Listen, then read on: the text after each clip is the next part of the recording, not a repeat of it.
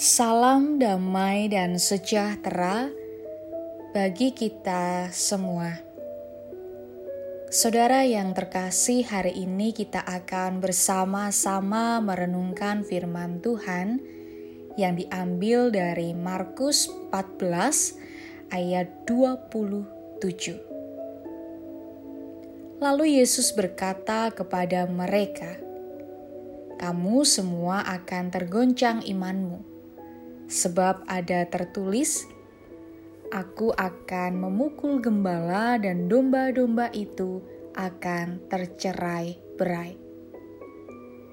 Dia menopang kerapuhan. Kerapuhan dalam hidup manusia terjadi karena beratnya beban hidup yang dialami. Cobaan datang silih berganti dan tidak pernah ada habisnya. Selain itu, ketika banyak ketidakpastian dalam hidup, lebih lagi apa yang tidak pernah diduga sebelumnya datang begitu saja dalam hidup kita. Tentu, sesuatu yang tidak kita harapkan. Lalu, rapuhlah hati dan hidup kita.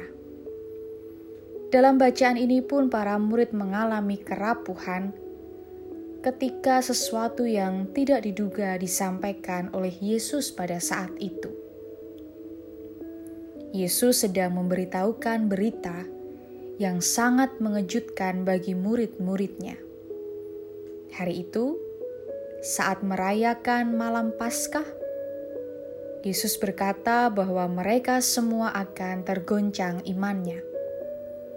Yesus kemudian melukiskan kegonjangan iman mereka itu dengan mengutip nubuat yang pernah disampaikan oleh Nabi Zakaria, yaitu seperti domba-domba yang akan tercerai-berai ketika gembalanya terpukul. Tiba-tiba, Petrus berkata bahwa ia tidak akan tergoncang imannya seperti murid-murid yang lain Perkataan Yesus yang mengingatkannya bahwa ia akan menyangkalnya tiga kali sebelum ayam berkokok pun tidak dihiraukannya. Ia sesumbar dan dengan berani ia menegaskan bahwa ia rela mati dan tidak akan menyangkal Yesus. Namun peristiwa selanjutnya kita melihat bahwa komitmen Petrus tidak berjalan seperti yang ia kira.